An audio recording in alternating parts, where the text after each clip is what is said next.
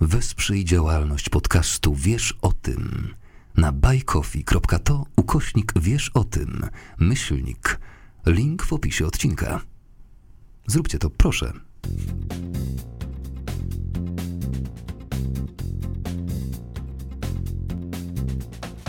Siemanko! Dzień dobry, dzień dobry, witamy serdecznie w kolejnym odcinku. Siedzimy sobie tutaj w piątkę. Tak, jest nas tutaj wyjątkowo dużo. Tak, e, od dwóch tygodni siedzi z nami Asia Kudelska, która była w poprzednim odcinku. Asia, was mo- pozdrowi. Możesz się tutaj ten, teraz pomachać do kamery jakoś któryś? O, O, jest. to jest ręka Asi, To jest tak? ręka, tak, potwierdzam. A naszym dzisiejszym gościem jest Filip Kosior. Dzień dobry, witam serdecznie. I- Aktor filmowy, teatralny, a także lektor. Dokładnie tak i zwłaszcza y, jeśli chodzi o to ostatnie, to chylimy czoła i kłaniamy się przed królem, bo Filip jest królem audiobooków. Dokładnie tak. Niech będzie, dobrze. No niech będzie. Nawet trochę mamy pewne obawy, bo mamy jednak no, trochę słabsze głosy, ale jakoś tę rozmowę Ja jestem poprowadzimy. chory ciągle, więc właśnie też ten głos taki Od osłabiony. dwóch tygodni. Długa choroba. Bardzo długa Bardzo choroba. długo się ciągnie, ale postawimy ci bańki dzisiaj. Dobra, e, dlatego kończymy szybko, żeby mi postawili bańki. E, w każdym razie, no cóż, chcielibyśmy tak standardowo zacząć od pytania, które na pewno słyszałeś już e, tysiące razy, Mhm. ale chcielibyśmy, żebyś nam przybliżył, jak to tak naprawdę się zaczęło z tymi audiobookami i no kiedy Skąd się wzięły audiobooki, tak? W twoim życiu. Kto je Dobrze. wymyślił? I dlaczego? I po co to komu? Y, Historia jest bardzo prosta, bo ja po prostu kończyłem szkołę teatralną w 2015, zdaje się, roku i nie miałem żadnej takiej propozycji etatowej, ani filmowych, jakichś dużo rzeczy. Odbierałem moją dziewczynę z, z teatru i tam było po prostu ogłoszenie, żeby można nagrać próbkę audiobooka do jednej z dużych firm. Y, Co uczyniłem po prostu w poszukiwaniu pracy i jakoś dosyć szybko się okazało, że, że to umiem robić i te zlecenia zaczęły się pojawiać stopniowo, no i tak to, tak to się stało, więc y, nic ciekawego. No ale zasłużyłeś na miano króla. No ja wiem, ale ten król to il, jest... Ile król tych audiobooków potrafi nagrać? Yy, No jest ich moim zdaniem już ponad 600, tak raczej więcej. Mniej więcej 100 rocznie robię książek, to znaczy w okolicach 10 miesięcznie. Oczywiście zależy od długości, na tego już nie liczę w, jakby w ilości książek, de facto tylko w godzinach materiału nagranych miesięcznie. Bardzo staram się to ograniczyć, ale no od dwóch lat to często jest 120 godzin materiału w miesiącu, 130, czasami 150, nie? Jak są gorsze miesiące.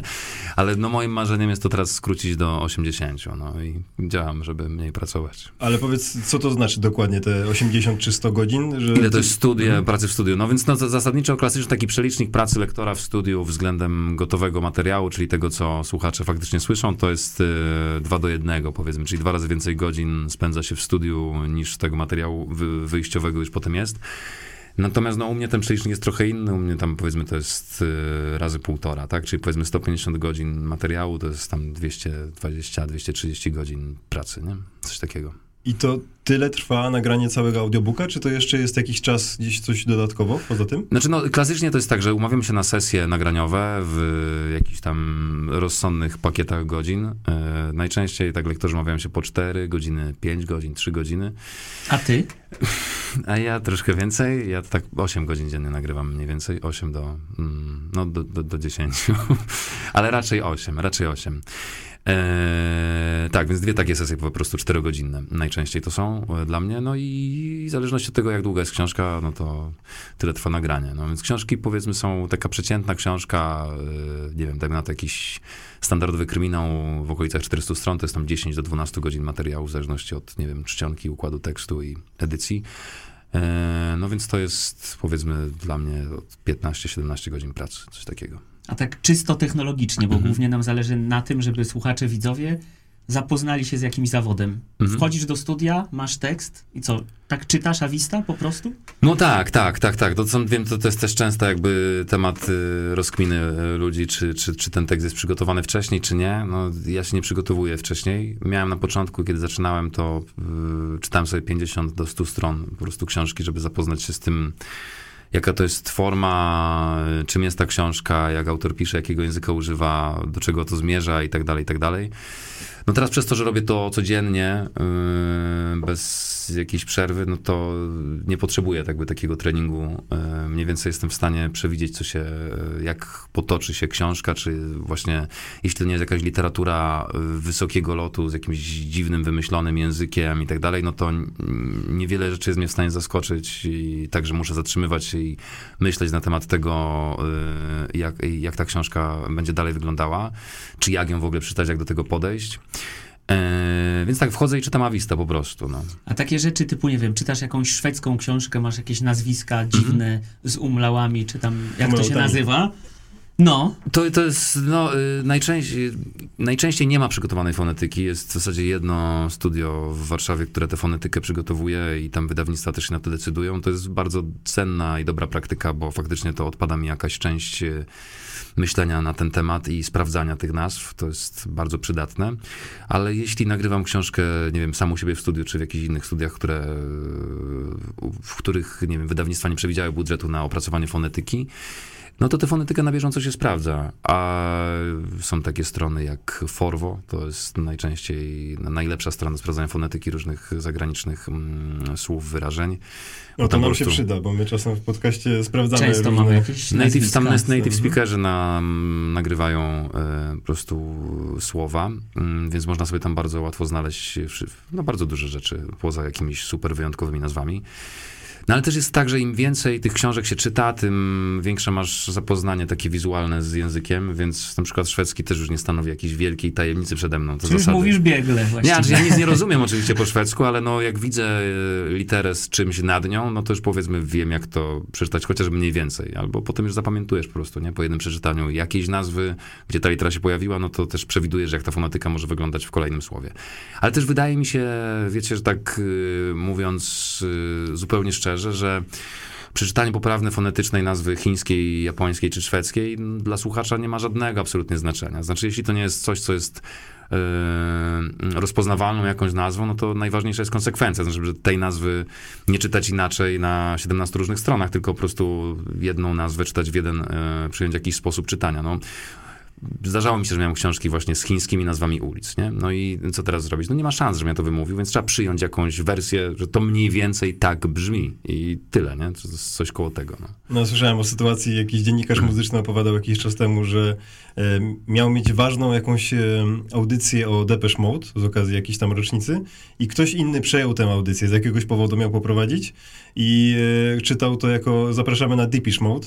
Mhm. I podobno, no właśnie, to go tak gryzło, że taką nazwę jednak, no właśnie, e, to nie jest No jakaś tak. nieznana nazwa, tylko taka, z którą ludzie są po prostu No, obeznani. oczywiście, że tak. No ale w ogóle to z, fone, to z tą fonetyką ja często się buntuję przeciwko opracowanej fonetyce. Na przykład miałem ostatnio, czytałem e, biografię Keanu Reevesa, no i pojawia się oczywiście film Matrix i postać Neo, prawda?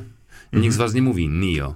Mhm. No bo w Polsce mówimy Neo, nie? No więc poprawnie opracowana fonetyka moim zdaniem zakłada przeczytanie tej nazwy jako Neo, nie? I ja tutaj fonetyka opracowała jako Neo.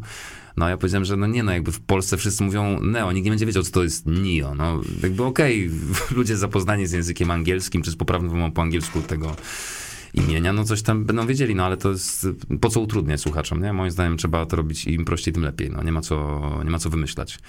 No tak samo jest z akcentowaniem, nie? Jakimś sztucznym akcentowaniem po angielsku, czy wymawianiem th sztucznie. Ja uważam, że to jest, nie służy jakby jakości no, nagrania. A słuchaj, jak mówisz tak, czytasz różne gatunki, absolutnie. Mhm.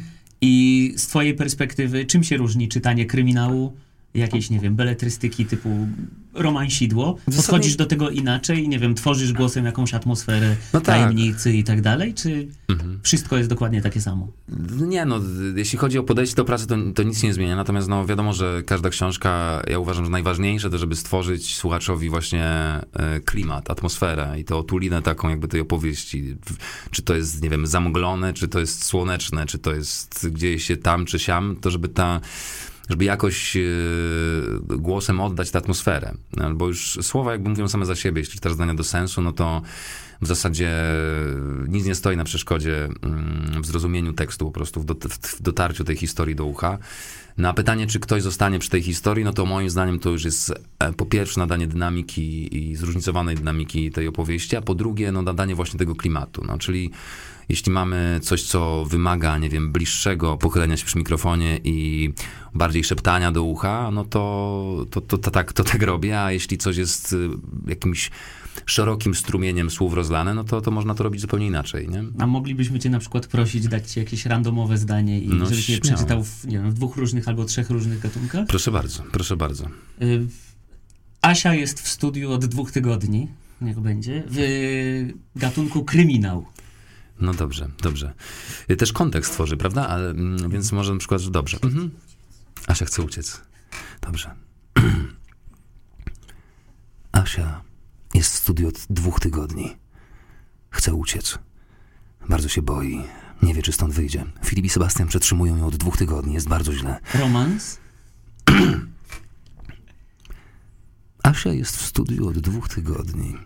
Boi się, że Filip i Sebastian jej nie wypuszczą. Bardzo się boi. Ale jest równocześnie mocno podekscytowana. Science fiction. Oczywiście. Asia jest w studiu od dwóch tygodni. Boi się, że statek kosmiczny nie wyleci w powietrze. Dlaczego? Nie wiem. Pięknie, pięknie. I to jest bardzo dobre właśnie, to bardzo dobry punkt zaczepienia do kolejnej rzeczy, o której chciałem powiedzieć, bo no, wśród lektorów są i aktorzy, i nieaktorzy. Mhm. Tu jesteś aktorem i czy to aktorstwo właśnie swoje mm, przekładasz e, bardzo mocno na ten zawód, czy, nie wiem, angażujesz się w historię w taki sposób, że rzeczywiście, tak jak aktor w swoją rolę? Czy różni się to zupełnie od e, roli aktora w teatrze czy w filmie? I różni, i nie różni. Ja myślę, że na, pewno to jest bardzo użyteczne narzędzie, no bo mm, dzięki jakiemuś tam warsztatowi, czy umiejętności, nie wiem, oddawania e, emocji, czy budowania napięcia, który jest stricte wynikiem jakby właśnie umiejętności aktorskich, czy tam warsztatu aktorskiego, yy, to powiedzmy aktorzy są bardziej w stanie pokolorować historię. To znaczy stworzyć jej więcej barw, tak żeby... Mm, tak, żeby słuchacz się nie oderwał od, y, od słuchania tej książki. No, nie wiem, jakie macie doświadczenie z słuchaniem audiobooków. Moje doświadczenie z słuchaniem audiobooków i bardzo często kończy się po 15-20 minutach, kiedy dla mnie lektor po prostu nie jest w stanie, yy, jako że słucham audiobooków najczęściej w samochodzie, nie jest w stanie oderwać mnie od innej czynności. Znaczy, ja się nie jestem w stanie wdrożyć w historię, jakby pomijam zdania, wypadam z wątku. Jeśli kolorujemy tę historię na tyle barwnie, żeby, żeby słuchacz się nie oderwał, no to wtedy to jest sukces, tak? Jeśli ktoś potrafi słuchać przez audiobooka czytanego przez konkretnego lektora przez wiele godzin, to to jest sukces. Ja na przykład nie potrafię czytać, słuchać audiobooka czytanego przez nikogo przez dłużej niż godzinę, nie? Yy, Więc jeśli ktoś mówi mi, że słuchał, nie wiem, mnie 5 godzin, no to jestem zachwycony, bo uważam, że to jest jakieś no, duże osiągnięcie, że w ogóle ktoś wytrwał przy, przy takiej treści, nie? która nie daje tylu bodźców, która jakby zmusza do skupienia i tak dalej. No ale my też temu skupieniu musimy pomóc i w tym, odpowiadając na to pytanie, no w tym pomaga na pewno warsztat aktorski.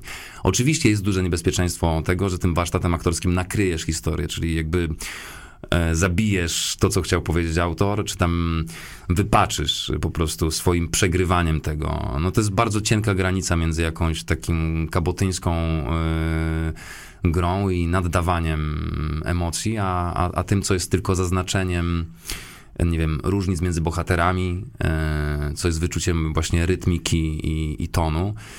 E, Dla mnie jest niezwykle istotne to, żeby, wiesz, słuchacz y, wiedział, że teraz mówi postać A, teraz mówi postać B, szczególnie kiedy są to przeplatane dialogi, często nieopisane przez autora, tam, mm, kwestiami typu odpowiedział Paweł albo y, zapytał Sebastian, tak? E, Jeśli mamy do czynienia z czymś takim, no to super istotne jest, żeby mm, jakby słuchacz wiedział, kto to mówi, nie? Albo jeśli postać pojawia się na 20 stronie i na 300 stronie, no to dobrze by było, żeby chociaż on skojarzył, że ktoś taki był wcześniej, nie? I to nie są duże różnice, no bo też to nie jest czytanie książki, to nie jest dubbing, tak? No ja tam nie, nie robię niestworzonych cudów jakby głosem. I, ale no to są mikroróżnice, to często, yy, wiecie, no to nie jest tylko obniżenie, podwyższenie, to jest też sposób, w jaki ktoś mówi, to jest przeryw, nie wiem, urywany sposób, to jest może jakieś delikatne jąkanie się, to jest nerwowość, to jest pewność siebie. Nadawanie tych cech bohaterom, no powoduje, że wydaje mi się, że ludzie, którzy słuchają audiobooka mogą bardziej rozróżnić bardziej y, jednocześnie trzymamy ich przy słuchawkach czy tam przy głośniku, nie? Więc to jest y, super ważne dla mnie. Y, oczywiście jest taki rodzaj literatury, w której te umiejętności aktorskie wykorzystuje się jeszcze bardziej. Nie? No, dla mnie fantastyka jest taką literaturą, w której jakby absolutnie sobie pozwalam na jakąś dezynwolturę taką. Nie? Jeśli czytam taki na przykład cykl książek Marcina Mortki y, o takiej grupie ludzi, właśnie nie tylko ludzi, bo jest i troll, i tam krasnolud, i elf i tak dalej. E, No i to jest jeszcze też y, mm, osadzone na jakimś takim dosyć mocnym humorze. E, No to nie wiem, nie mam, nie mam, nie znam powodu, dlaczego nie miałbym tam się wyżyć po prostu, nie? Uważam, że to jest wtedy atrakcyjne też, no bo po prostu to jest taki rodzaj literatury. No ale gdyby w kryminale nie wiem, e, jakimś poważnym nagle postać kobiecą zaczął czytać wysokim głosem, no to byłoby to idiotyczne raczej, no. A ogólnie, no, na pewno przebierasz w ofertach, no bo jednak je- masz już mocną pozycję. Yy, Czy to jest tak, że masz już tych zleceń za dużo i musisz niektóre odrzucać? Czy, I dzięki temu możesz sobie wybierać, że wolisz to czytać, a tego nie? Czy jak to Czy wiesz, z tym wybieraniem to jest skomplikowana sprawa. Tak, czy masz rację, oczywiście teraz tak jest, że mam ofert jakby za dużo i usilnie staram się skrócić czas swojej pracy. Yy, Tak w tym momencie zamknąłem kalendarz na maj 24 roku, jeśli chodzi o zlecenia audiobookowe. Mam tam powiedzmy no, no pewnie z 70-80 książek do przodu zaplanowanych. Ale, yy, ale z wybieraniem jest trudno, bo wydawnictwa często, które nie wiem, mają atrakcyjną propozycję atrakcyjnej literatury, orientują się na przykład w ostatniej chwili że potrzebują z tego zrobić audiobooka. No i wtedy jest, ja mam problem, no bo we mnie się y, mm, walczy ze mną asertywny Filip z Filipem, który chce przeczytać książkę, która jest fajna, nie? No i najczęściej niestety na razie decyduję się czytać tę książkę i nie mam weekendów, nie śpię i tak dalej, nie? A co najbardziej lubisz czytać? Mi największą satysfakcję sprawia klasyka, yy, no bo ona też, też niezwykłe jest to, że jak przez długi czas obcujesz z literaturą powiedzmy przeciętną, dobrą, lepszą, gorszą, ale literaturą popularną, użytkową, rozrywkową, nie? Yy, która może mieć walory też artystyczne, jasne, ale no zasadniczo jest po prostu rozrywką. E, I dostajesz książkę, która jest faktycznie arcydzielna, nie wiem, Zbrodnia i kara, Lalka Prusa, Mistrz i Małgorzata, nie? no to tak silnie czujesz, jaka jest różnica między czymś, co jest dobre, średnie, bardzo dobre, a wybitne. I jak to po prostu siedzi w buzi, jakie to jest interesujące, z jakby z tylu powodów wielu. Są pytania tutaj ze studia, tak? Pytanie z publiczności. Proszę bardzo. Tego jeszcze nie mieliśmy, więc mamy teraz pytanie z Proszę. publiczności. Panie Filipie, czy Tak. jest jakaś książka, albo jeżeli nie jedna, to czy było ich więcej taka, których e, pan nie chciał przeczytać? Oczywiście, Pani Asiu, już Pani odpowiadam. Śpieszę z odpowiedzią. Tak, y, miałem kiedyś y, taką książkę jakąś, która tam miała jakieś mocno polityczne wątki i faktycznie wyczułem, że to jest jakaś agitka polityczna i tego nie wziąłem, absolutnie. E, wiem też, ja osobiście nie miałem, nigdy nie dostałem żadnych takich rzeczy, nie wiem, z jakimiś wątkami, ostrymi scenami seksu pedofilskiego na przykład, nie? To wiem, że moi znajomi odrzucali takie rzeczy, czy tam czy nawet przerywali w połowie po prostu czytanie, e, mówiąc, że tego nie dadzą rady. Mi się coś takiego nie zdarzyło, chociaż różną literaturę czytam i z różnymi scenami erotyczno, erotycznymi, scenami zbrodni. No jest taka tendencja, no ogólnie w, na rynku literackim, żeby było i krwawo, i dużo seksu, i, i, i niekoniecznie interesujące oprócz tego. No, ale we mnie jakoś nie ma takiego silnego buntu, no bo no, to jest po prostu moja praca. No, ja dostaję zlecenie, czytam książkę i to tyle. No, ja staram się to obronić na tyle, na ile mogę. No. Niestety- dostaję słabą literaturę, to... Wyobraziłem sobie, jak wycinamy rolkę z tej rozmowy. Jak wygląda y, życie lektora audiobooków? I krwawo, i dużo seksu. Proszę bardzo, zróbcie to, może mi to doda plus 5 do zajebistości. Ale no, więc y, wiecie, no tak właśnie są lepsze i gorsze książki, które są bardzo słabe, na przykład rzeczy, które czytam, ja też mam tego świadomość, no ale nie wiem, jestem albo lojalny wobec wydawcy, albo wobec y, firmy, która mi to zleca. Albo wobec, nie wiem, autora, który mi zleca książki od lat wielu i, i też nie widzę w tym nic złego, jak jest słuchacz tego ch chce, no to, to jakby ja co ja tu jestem tylko jakimś niewielkim trybikiem w tej machinie i staram się tylko jakby pomóc autorowi, ewentualnie jeśli wyczuwam jego niedostatki, no. A też nie jestem ekspertem od literatury, ale no wtedy, kiedy wiem, że coś jest źle napisane, no to staram się, nie wiem, szybciej przepchnąć tę treść, albo wiecie, ją jakoś jeszcze bardziej zakolorować, tak żeby to miało ręce i nogi, nie? A czy ty do momentu czytania audiobooków lubiłeś czytać książki? Tak, no I czy jest- lubisz je czytać dalej Mhm. i czy te, które czytasz, w ogóle czytasz dla przyjemności, czy już traktujesz to typowo jako I pracę? czy w ogóle masz czas, żeby czytać książki poza nagrywaniem książek? No to jest moja naj, największa męczarnia. No, trafiliście bardzo jakby mój, w moje serce zranione, ponieważ no, ja bardzo czy, dużo czytałem książek wcześniej i no jednak troszkę innej literatury niż teraz czytam. Yy, chociaż no wciąż mówię, że ja też bardzo lubiłem zawsze kryminały i czytałem, więc jakby spoko. Yy, No i teraz nie czytam w ogóle dla siebie. Nie ma takiej możliwości. No. Ja czytam codziennie 250 stron książki jakiejś na głos. Yy, Naprawdę ostatnią rzeczą, która przychodzi mi do głowy, to jest wzięcie książki wieczorem i mm, poczytanie.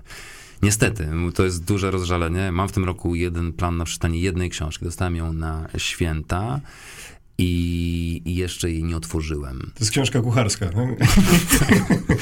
Ja mam, mam, dostałem wielkie marzenie o takiego mojego ulubionego, znaczy ulubionego, no, autora, którego bardzo lubię, Davida Fostera Wallace'a, Niewyczerpany żart, to jest 1200 stron bardzo dziwnej literatury. E, No ale no, jeszcze tego nie otworzyłem, więc no marne szanse, żebym to do końca roku. No to zrobisz sobie tydzień wolnego i taka książka pęknie, nie? Tak, tak, tak, tak. A powiedz, a czy zdarza się, no bo to wszystko się załatwia przez powiedzmy studia, tak, lektorskie, Mhm. wydawnictwa, czy zdarzają się e, autorzy, którzy sami bezpośrednio do ciebie przychodzą, żebyś im nagrał? Często, tak, tak. To już tak jest, że teraz y, faktycznie, no, jeśli autor wydaje sam, czy jakoś tak, no to, to, to jasne, zdarzają się takie, takie, takie zlecenia od autorów, czy po prostu od y, wydawca wie, że autor na przykład nie chce, żeby czytał tego nikt inny oprócz Filipa Kosiora. No to zdarzają się takie rzeczy dosyć często, nie? I wiem też, jako że te moje zlecenia, e, no mają kalendarz, powiedzmy, tak jak wam mówiłem, zajęty do końca maja 24. Często autor jeszcze nawet nie wie, co chce napisać, e, a wydawca już mnie bukuje, że jakby ja muszę mieć wtedy termin, nie? Albo, Czyli, albo, że albo czekają czytał, na mnie. po czytał prostu, no. książkę, która jeszcze nie powstała, No powiedzmy. to jest super często. Znaczy wiesz, no te książki, które będę czytał w maju 24 roku, to moim zdaniem to 3 czwarte nie jest nawet jeszcze autor nie usiadł do, do komputera, no. Nie ma takiej możliwości. No zawsze jakby rynek wydawniczy działa po prostu dużo szybciej, no. A powiedz, czy jest to opłacalny biznes? Lektor y, audiobookowy? To wiesz, przy tej ilości rzeczy, którą ja czytam i przy takiej jakiejś też yy, pozycji przetargowej do negocjacji stawek, którą w tym momencie mam, czyli mm, tego, że wydawcy bardzo, wydawcom bardzo zależy, żebym ja czytał i autorom bardzo zależy, żebym ja czytał, z wielu różnych powodów, to, to tak, no to ja nie narzekam na, na pieniądze, absolutnie. Yy, No wręcz, no nie, nie narzekam. No, bardzo dobrze można z tego żyć. No ale to, no, to, to wynika z wielu czynników, tak? No, jest po prostu tak w tym momencie, to ja nie do końca jakby panuję nad tym i nie, wiem, nie wiem dlaczego tak jest, e, że po prostu no, książki, które ja czytam bardzo dobrze się sprzedają, tak? W sensie ludzie po prostu tego słuchają i wydawcy wiedzą, że można zainwestować więcej w nagranie ze mną, bo ta książka i tak na siebie zarobi, nie? Więc no to jest y, tego typu kwestia. A, ale myślę, że ogólnie to raczej jest niedopłacany zawód. No, to jest bardzo dużo pracy i energii, która się poświęca. To, że, nie wiem, sesja w studiu trwa 4 godziny, ty sprzedajesz swoje prawa do nagrania na wieki wieków amen, ktoś z tego może czerpać profity, nie masz żadnego pojęcia, jak ta książka się sprzedaje. Znaczy, to oczywiście wydawca podejmuje to ryzyko, ale ty nie wiesz, czy ta książka się sprzeda w 10 egzemplarzach, czy w, nie wiem, w 100 tysiącach. Czyli nie ma znaczenia, że jeśli, nie wiem, milion osób przesłucha tego audiobooka, a 10, to dla ciebie to nie ma znaczenia nie ma, finansowo? żadnego, nie ma żadnego znaczenia, jakby umowy są podpisywane tak, że to po prostu dostaje się stawkę za, za, za, za dzieło, tak, a nie za tam procent od y, zys, zysków ze sprzedaży, no więc nie ma to żadnego znaczenia. A nie ma takich, powiedzmy, gdzieś tam jakichś dyskusji, żeby to się zmieniło? Wiesz co, nic się jeszcze nie zdarzyło, jak podejmować tego typu negocjacje. Różne tam jakieś rzeczy próbow, próbowałem przewalczyć, ale to, tego typu negocjacji mi się jeszcze nie zdarzyło. Wiesz, ja też... y, No, wtedy zależałoby od audiobooka. No, podobno na rynku wydawniczym jest tak, że wydawca zarabia na, e, nie wiem, jednej książce na 10 innych, tak? Więc tych książek, które realnie na siebie zarabiają, no jest naprawdę niewiele. Y, Więc produkuje się bardzo dużo, żeby zalać swoimi produktami rynek. E, A to naprawdę ten jeden jakiś taki główny autor, czy główny tytuł wydawany, nie wiem, w kwartale czy w miesiącu, on powinien zarobić na resztę pozycji, które autor, powiedzmy, znaczy, które wydawca chce, powiedzmy, nam wypromować, nie? A właśnie mówiliśmy o początkach audiobookowych, a jakbyśmy się cofnęli jeszcze e, dalej, czy pamiętasz, nie wiem, kiedy ktoś ci zwrócił pierwszy raz uwagę na twój głos, czy jakoś, nie wiem, niedługo po mutacji, czy jakoś, nie wiem, w liceum, czy na studiach? Nie, zdarzało się tak. Nawet ja mam bardzo podobny głos do mojego ojca. E, przynajmniej miałem jeszcze e, lat, lat temu kilka, bo on też naturalnie przez eksploatację się trochę e, obniża, wyniszcza, czy, czy po prostu do, zmienia swoją, swoją jakby charakterystykę. Ale jako tam nastolatek byłem mylony z tatą przez telefon, nie? co już było takim dla mnie dużym komplementem, że ja to jestem dojrzałym w ogóle mężczyzną. E, Potem jak jeździłem na konkursy recytatorskie, to faktycznie ludzie zwracali uwagę na ten, na ten głos. Natomiast no, ja wtedy zachęcony tak bardzo tym, że to jest takie atrakcyjne niezwykle, że mam taki głos, ja go jeszcze sztucznie obniżałem. Co było to dramatycznym błędem, ale z tego no, wyle- wyleczyła mnie szkoła. No i tam mi powiedziano, że to, co robię jest głupie i że to nie służy, nie? A Słuchaj, jest taka anegdotka i ona gdzieś tam krąży chyba po YouTubie nawet, że któryś z tych słynnych lektorów czytających e, w telewizji, gdzieś był u znajomych, była jakaś impreza, on opowiadał kawał czy coś, nagle ktoś zaczął walić w ścianę i krzyczeć, wyłączcie kurwa ten telewizor. Czy tobie się zdarzyło, że ludzie gdzieś cię słyszą i mówią, o, znam tego kolesia. No tak, no to, to, się, to, się, to się już tam zdarza, nie jakoś super często, ale zdarza się. No, czy jak ktoś przyjdzie na spektakl do, do nas do teatru i miałem taką sytuację kilka razy, że ktoś przychodzi z ulotką i mówi, proszę bardzo, bo tutaj, e, czy będzie dzisiaj pan Filip Kosior? Bo widziałem, że tutaj gram. Mówię, no to ja. O, ojej, nie? To spędziłem z panem 50 godzin upojnych nocy. Ale, y, no, ale to nie jest też jakoś, wiesz, też jest tak, że ja na co dzień nie mówię głosem takim, jak czytam audiobooki, no. y, Tutaj akurat sobie siedzimy, jest dosyć wygodnie, przytulnie, jest studio też, więc mój głos naturalnie jakoś tak idzie w stronę takiego tembru e, lektorskiego. Ale no, ja nie mówię jak lektor, przynajmniej się bardzo staram, żeby nie mówić jak lektor, no bo to jest dosyć straszna maniera, no. Ja też nie, wiecie, ja też de facto nie jestem lektorem, nie wiem, filmowym, tak, gdzie się używa tego głosu w jakiś taki sposób, no, że to jest na biało. E, No ci lektorzy filmowi mają faktycznie no, takie barwy, tacy topowi lektorzy filmowi mają takie barwy, że one są no, tak charakterystyczne i tak wbite w ucho dla wielu milionów ludzi. No jednak audiobooków nie słuchają, nie wiem, dziesiątki milionów ludzi codziennie, tak? No to są jakieś dużo mniejsze liczby. No i też jest tych lektorów wielu, bardzo i wiele jest książek, więc no to nie sądzę, że mój głos jest aż tak rozpoznawalny jak, nie wiem, Piotr Borowiec czy tam Maciej Gudowski, nie? Słuchaj, ale tak psychologicznie niższy głos jest utożsamiany z zaufaniem, z paroma, Z władzą. z władzą i tak Oczywiście. dalej. Czy zdarzyło ci się kiedyś tym głosem manipulować kogoś świadomie? Albo mieć jakieś profity po prostu. E, no, oczywiście. E, ale nie, że tak mam jakąś historię, anegdotę. No, jakby ja mam trzy rodzaje głosu. Jest normalny głos Filipa, jest głos Filipa, który się denerwuje, czyli mówi, o, dzień, dzień dobry. Tam jak z kimś ważnym rozmawiam i mam ważną sprawę do załatwienia, to wtedy e, jakby on się podwyższa naturalnie. No i jest ten taki, którego trzeba użyć czasami przy rozmowie. No najczęściej z kobietą, po prostu przez telefon jakąś, jak trzeba coś załatwić, no. Ale to nie jest jakieś takie chamskie wykorzystywanie, tak raczej nie robię, no. Raczej. Raczej nie robię, albo to są rzeczy podświadome, no po prostu, że tam wiesz, coś czeka tam wykorzystać jakąś umiejętność. No właśnie mówiłeś o filmach, e, bo ty też nagrywałeś filmy, też e, ci Tak, się tak, zdarzało, tak, tak. Sze, czyli szeptankę, tak, Mhm. taką filmową.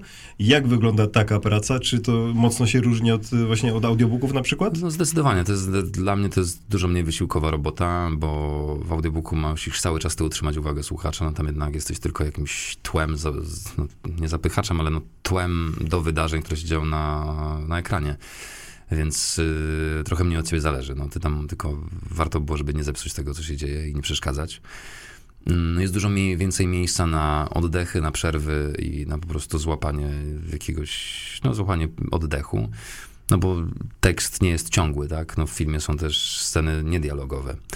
Yy, No, natomiast yy, przez... I, I też zdarzało mi się czytać jakieś fajne rzeczy szeptankowo, ale przez to, że moje wyprzedzenie zleceń teraz jest tak duże, a jakby te, te zlecenia voice-overowe są z dużo mniejszym mm, wyprzedzeniem, no to w zasadzie nie ma szans, żebym teraz czytał, nie? Filmy. Ale czułeś, że jest to taki prestiż, rzeczywiście czytanie filmów? E, Czy... Powiem ci tak, yy, mijanie znanych lektorów na korytarzu sprawiało, że czułem się bardzo miło, natomiast jeśli chodzi o, to jest zawód, który jest absolutnie niedopłacany, nie? To tak nie wstając się w szczegóły, no to mm, tutaj zaryzykowałem stwierdzenie, że jest skandalicznie niedopłacany zawód. Jeśli chodzi o umiejętność, o rozpoznawalność głosów i o ich eksploatację, e, to wydaje mi się, że tam powinna nastąpić sroga rewolucja finansowa. Bo najlepsze pieniądze pewnie są w reklamach, tak? Tak, tak, tak, oczywiście. No ale to wiesz, jak wszędzie, nie? Z każdej dziedzinie reklama jest po prostu tym, mm, tym, tym medium, czy tam tym, tym, tym działem, który jest najlepiej opłacany. No. I to też jakbyś tak zdradził mniej więcej, to jest najkrótszy czas w ogóle nagrywania takiej reklamy, tak? Względem innych... y, To znaczy, no wiesz, jeśli by to przekładać na ilość materiału, który powstaje, no to jest najdłuższy, nie? E, ale no wiadomo, że reklama trwa, nie wiem, 30 sekund, 15 sekund, 8 sekund, 45 czy 60. No ale tak, tak, tak, takie sesje reklamowe klasyczne trwają godzinę, półtorej. No jeśli coś się przedłuża, no to to już jest raczej wyjątek po prostu, nie? A często są umowy takie na wyłączność, że jakaś firma chce mieć ciebie tylko, y, tylko dla siebie na przykład? Czy tylko, nie wiem, w danej branży? Mówisz o reklamie, tak? Tak, tak, tak, tak. No, y, zdarzają się takie rzeczy. Ja y, jestem beneficjentem takiej jednej z, z umowy z pewną um, bawarską firmą motoryzacyjną. Eee, nic nie zdradziłem, nic. Absolutnie. Nie. E, z czego jestem bardzo szczęśliwy i zadowolony i to jest bardzo pre prestiżowe dla mnie.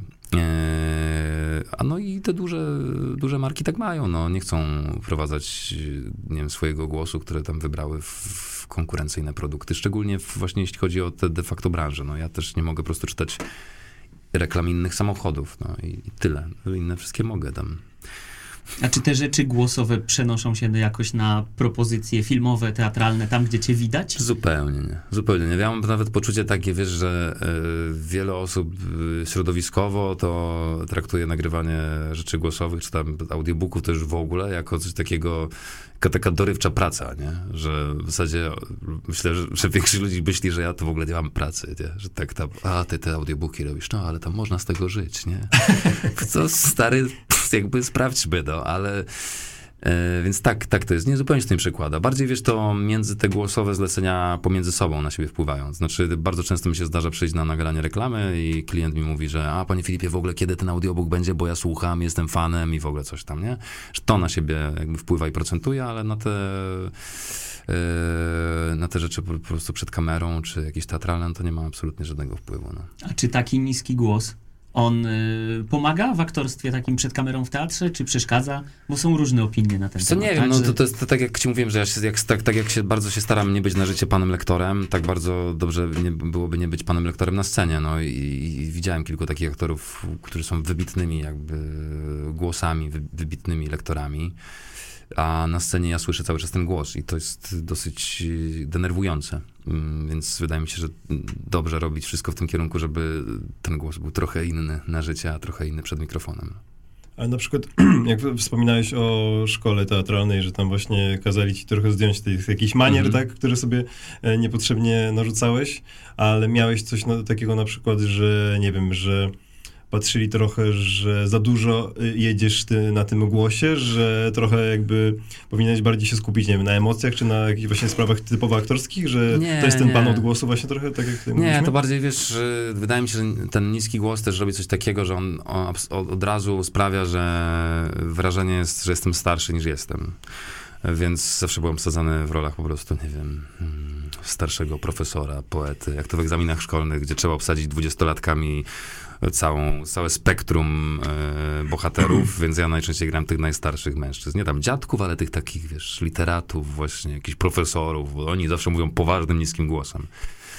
Więc być może zaraz moja, nie wiem, mm, e, mój wizual spotka się z moim głosem i może to jakoś, wiesz, zaprocentuje. No. A często wśród na przykład znajomych, e, tak jak my tutaj byliśmy, e, poprosiliśmy cię o przeczytanie jakiegoś kawałka tekstu, proszą cię, żebyś powiedział coś tam właśnie takim głosem reklamowym, czy takim audiobookowym? Rzadko. Uf. Rzadko, rzadko. Nie, ja często robię tak, że odbieram cudzy telefon i mówię tu, sześć, jeden, wiesz, no i, i to się udaje najczęściej i ktoś się rozłącza. Okej, to o- odejdziemy trochę od głosu, Mhm. pójdziemy na scenę. Proszę. Jesteś aktorem i współtwórcą teatru Potemotem w Tak. Warszawie. Nie będziemy ukrywać, że stąd się bardzo dobrze znamy. Zresztą Nie ukrywajmy tego. Cała nasza piątka w tym studiu się zna. Ze środowiska, Ze środowiska aktorskiego. Tak, tak, tak. E, tak. opowiedz trochę, bo to jest jednak taki niezwyczajny teatr i dosyć e, nowe zjawisko na warszawskim rynku? No to nie brzmi dobrze, Nie, no tak, ja, ja uważam, że rynek spokojnie możemy używać nomenklatury biznesowej do mówienia o teatrze, ja nie widzę w tym nic, nic złego. Yy, więc tak, no, yy, jesteśmy grupą, która działa, teatrem, który działa od 7 lat, który powstał z jakiejś takiej oddolnej inicjatywy artystycznej, yy, która się zadzierzgnęła podczas robienia yy, egzaminu na Wydziale Reżyserii yy, przez Marcina Zbyszniewskiego i tam się spotkaliśmy taką, taką super grupą, która postanowiła przekuć to w coś więcej i, i od tego czasu nam starcza pary energii, żeby... Mm, bardzo śmiesznie jeszcze czuję opowiadając wam o tym, że to jest... Ale dobrze, dobrze, dobrze, postaram się, dalej, jadę. E, no i to postanowiliśmy przedzierzgnąć w, w, w, po prostu w coś, co się z roku na rok coraz bardziej profesjonalizuje, no i w tym momencie jesteśmy w miejscu, w którym eksploatujemy y, osiem tytułów y, na własnej scenie w centrum Warszawy, którą udało nam się wygrać w konkursie y, od miasta stołecznego Warszawy i no i tam jesteśmy i działamy. No, jest, W Warszawie jest chyba z 20 teatrów co, co najmniej. no, I to, czym ten się różni od pozostałych? Bo wiemy, że się różni. no tak, tak, tak. Ale może zgarniemy wam większą ilość widowni dzięki temu. Bardzo dobrze. No więc y, my mamy taką dużą misję tego, żeby odczarowywać trochę e, teatr y, i żeby teatr nie był, nie wiem, nudnym zjawiskiem, które kojarzy nam się z wyjściem z podstawówki do teatru albo z czymś, co jest y, przeintelektualizowanym, mm, może nie nazwijmy tego bełkotem, ale że po prostu jest czymś nie dla każdego. Nasze spektakle chcemy, żeby były dla szerokiego grona widzów, y, ale żeby też niosły są jakąś y, głębszą treść i myśl, żeby były jednocześnie rozrywkowe i mądre. E, Głównie y, operujemy w okolicach komedii, która za- zazwyczaj łączymy z jakimś jeszcze innym gatunkiem, żeby opowiedzieć o czymś, co nas interesuje. A przede wszystkim jest tworzony, to jest teatr tworzony wyłącznie przez młodych ludzi yy, z potrzeby jakby serducha. Więc nie jest uzależniony od żadnych grantów, y, dofinansowań państwowych y, póki co. Em, więc robimy wyłącznie to, co chcemy. No jesteśmy zupełnie w tym niezależni i utrzymujemy się wyłącznie z wpływów z biletów i naszych tam patronów, mecenasów, którzy nas wspierają jeszcze poza kupowaniem biletów. Od kilku lat y, y, współpracuje z wami też taki pewien kompozytor i podobno lubisz bardzo Straszna jego, łajza. Podobno bardzo lubisz jego muzykę, słyszałem. Tak, tak, no jest wspaniały taki Filip, ale no w ogóle za dużo moim zdaniem Filipów jest w naszej grupie, więc trzeba będzie powolutku z tego rezygnować. Tak, tak, jest nas trzech? Trzech. Trzech, trzech, trzech, Trzech, no trzech, na razie no, trzech. sporo. I oby więcej już nie było, bo to już będzie tworzyło naprawdę duży poziom komplikacji To już komunikacyjnej. toksyczny się zrobił. Straszny, straszny. A jak widzisz właśnie potem o tym za 5 lat, za 10 lat?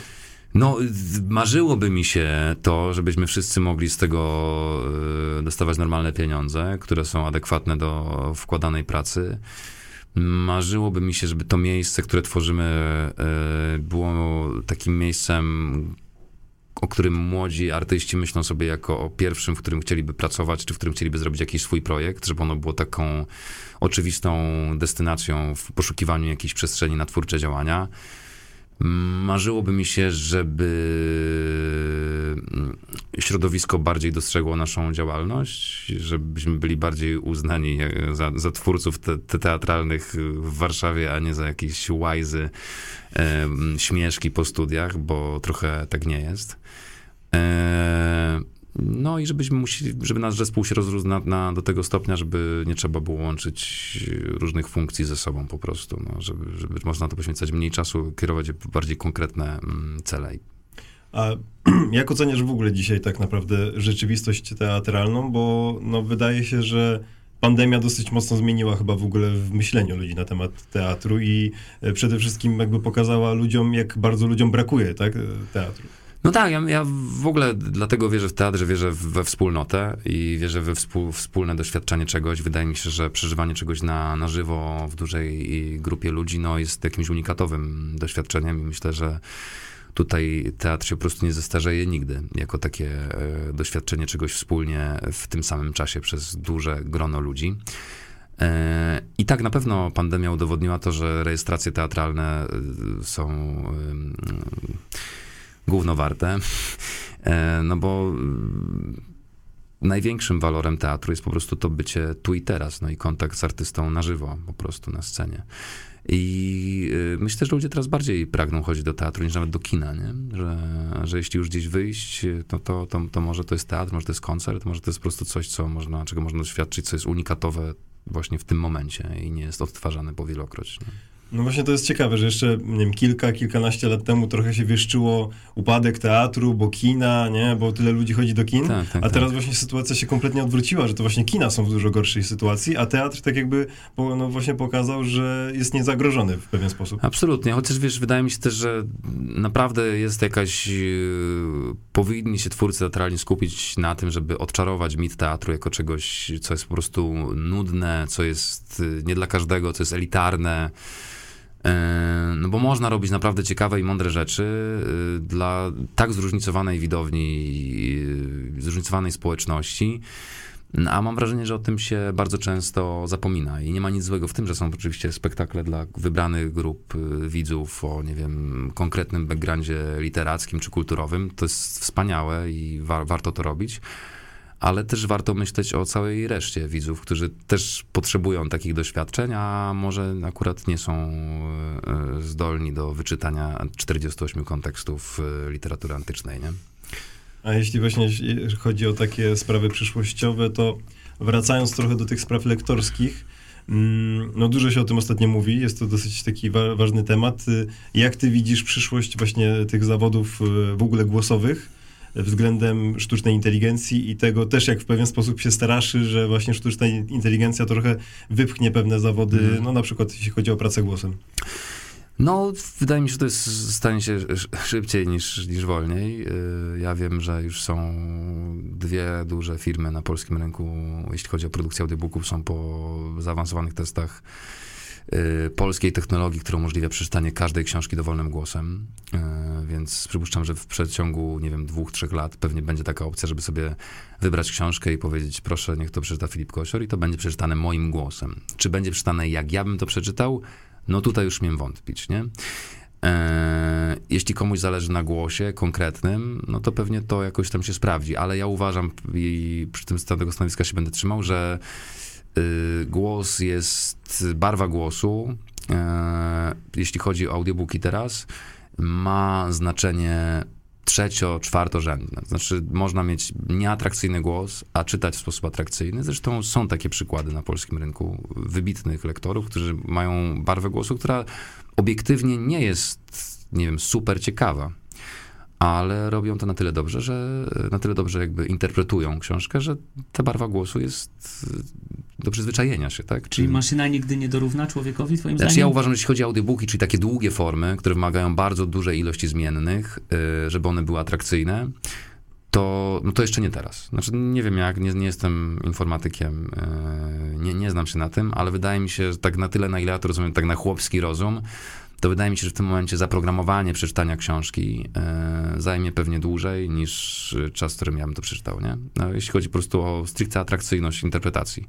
No bo to, że coś można przeczytać moim głosem, no to oczywiście, że tak. To już jest w tym momencie możliwe. Zresztą, no, bardzo niebezpieczne zjawisko, nie wiem, czy jak słuchacie jakichś rzeczy, które są zrobione głosami sztucznej inteligencji, no one są oparte na próbkach moich kolegów, nie? Ewidentnie. Ja wiem, jakie to są głosy, ja słyszę moich kolegów. E, No i to jest absolutnie przerażające i skandaliczne. No, I nadal nieregulowane prawnie. Nadal, nie- nadal, nieregulowane prawnie, no więc ja uważam, że im, im szybciej ta sztuczna inteligencja jakby zagości w naszym życiu w sposób legalny, trochę jak wiecie, z marihuaną, nie?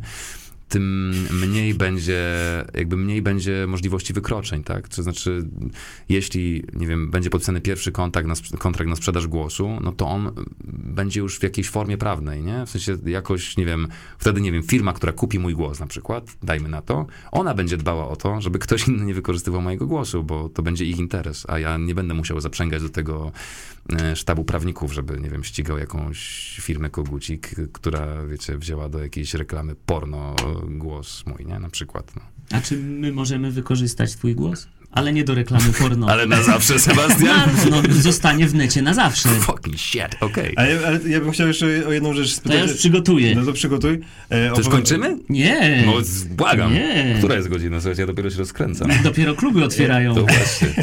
E, Kiedyś opowiadałeś, e, jeśli chodzi jeszcze o tę twoją rozpoznawalność, bo i Mhm. głosową, ale też nie głosową, no bo jednak jesteś też e, aktorem i znanym z serialu i z teatru e, i z filmów.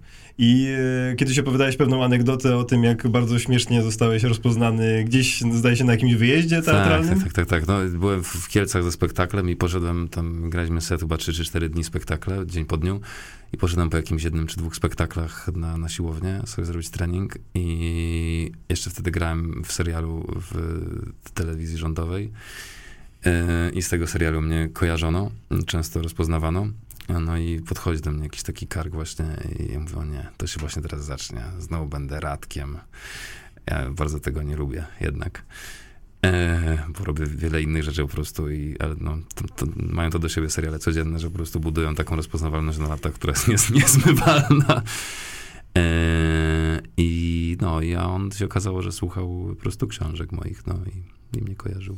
Czyli- książek. Ja Czyli nie wiem, oceniłeś książkę po okładce. Czy, czy nie, czy, czy na spektaklu teatru, był? Nie, tak. na spektaklu był, oczywiście, że na, No. przepraszam Filip, na spektaklu był, oczywiście. Tak, on, był, tak. on był w teatrze na spektaklu, tak, to było naj, najfajniejsze. Tak, tak, tak, tak, tak. Czyli zdarza się też rozpoznawalność... Z teatru. Nie no, słuchajcie, tutaj przychodziłem teraz do was, koło takiego shotbaru, w którym kiedyś I tam przyszedłem- też cię rozpoznali. Nie, w- w- ze dwa, trzy lata temu, stary, poszedłem, e, gdzieś idąc z jakiegoś koncertu, tam z kumplem, w- weszliśmy na, na, na jednego i barmanka mówi, potem, otem. Ja mówię, no tak. No, słuchaj, no w Bieszczadach byliśmy w zeszłym roku i to na szlaku spotkaliśmy dwie pary ludzi, nie? O, wczoraj byliśmy na waszym spektaklu. Tydzień temu. No to jest w ogóle fantastyczne, no więc ludzie jakoś tam mają taką jarzenie, nie? Też. Czyli potem o tym jest coraz bardziej znane. Absolutnie. Filip Kosior jest coraz bardziej znany. Strasznie, że jestem tak znany, że aż się boję. I czego sobie życzysz i jak widzisz siebie w następnych latach, powiedzmy, i jako Wiesz co, no lektor, ja- jako aktor. Mi bardzo zależy na tym, żeby ograniczyć pracę. Wiem, że wydawcy tego nie będą lubili, ale e, no, ja po prostu chcę jakieś rozsądne ramy godzin pracy no, sobie wyznaczyć. Jestem na dobrej drodze, nie mogę za dużo mówić na ten temat, bo, no, bo, bo nie. Bo nie wiem, kiedy wypuścicie, ale no, jest duża szansa, że ktoś przejmie za mnie te obowiązki po prostu, nie? Znaczy ograniczyć, ja nie będę musiał decydować o tym, czy tam jakąś książkę, czy nie, tylko będę robił w porozumieniu z kimś innym i ten ktoś będzie pilnował tego, że nie pracował za dużo po prostu. Okej. I to było dla mnie taką właśnie idealną sytuacją, w której ja mm, czytam książkę 4-5 godzin dziennie, bo może wtedy znajdę czas na to, żeby czytać książki dla siebie na przykład po Na cichu. tę jedną, która ma jedną. 1200 stron. Dokładnie, no może w końcu już w przyszłym roku to się uda. No to tego ci życzymy. I właśnie poprosimy cię o ten tekst, e, o przeczytanie naszej czołówki. A Oczywiście. nie, ja zmieniłem ten A zmieniłeś? tekst. Zmieniłem ten Ale go zaskoczył. A, o, to, o, to jest jeszcze fajniejsze. Jeszcze to, jest fajniejsze. Pamiętasz, To jest w telewizji rek- był Kaszpirowski, który był Adin. A, E, tak, tak, tak. To teraz zahipnotyzuj. Głosem Swoim oczywiście. swoim. Oczywiście. Z kropką i z ukośnikiem? Tak. Dobrze. Wesprzyj działalność podcastu Wiesz o tym na bajkofi.to ukośnik Wiesz o tym, myślnik, link w opisie odcinka. Zróbcie to, proszę. Czytał. Czytał Filip Kosior. Dziękujemy ci bardzo. Dziękuję bardzo razie. panowie za Bardzo gościnę. To za- niezwykłe, że ktoś chce słuchać czegoś o lektorach. To bardzo interesujące. Dziękuję wam bardzo. Dziękujemy. Tak. I co? Asia tu siedzi dwa tygodnie, już czeka. Może ja też zostanę. Jak bardzo nie lubimy go za to, że mówi, że ma za dużo pracy jako człowiek, który... Nie, ale to właśnie... no, Jest. To jest dobry moment, żeby już zakończyć i pójść do tego shotbaru, w którym on ma zniżkę. Zapraszam państwa serdecznie. Dokładnie tak, a my wam dziękujemy bardzo za, za wysłuchanie i obejrzenie tego kolejnego odcinka. Zapraszamy was do kolejnych i do obejrzenia i wysłuchania wszystkich innych. Pa. Cześć. Pa. 正确